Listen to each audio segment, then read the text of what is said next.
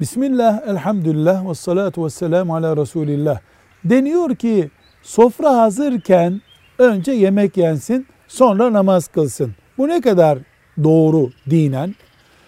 Bu söz aslı bir hadis olan sözdür. Efendimiz sallallahu aleyhi ve sellem iftar edileceği zaman sofra hazırsa yemeğin yenmesini sonra namaz kılmasını emir buyuruyor. Yani eğer Müslüman aklı yemekte e, ama kendisi secdede gibi çarpık bir durum olacaksa yemek sorununu aradan çıkarıp huzurlu namaz kılması daha iyi anlamında ama bu farz vacip anlamında bir emir değil. Şu var ki cemaatle mi kılıyoruz, namazın vakti geçiyor mu bu tip ayrıntılara şüphesiz dikkat edilecek. Velhamdülillahi Rabbil Alemin.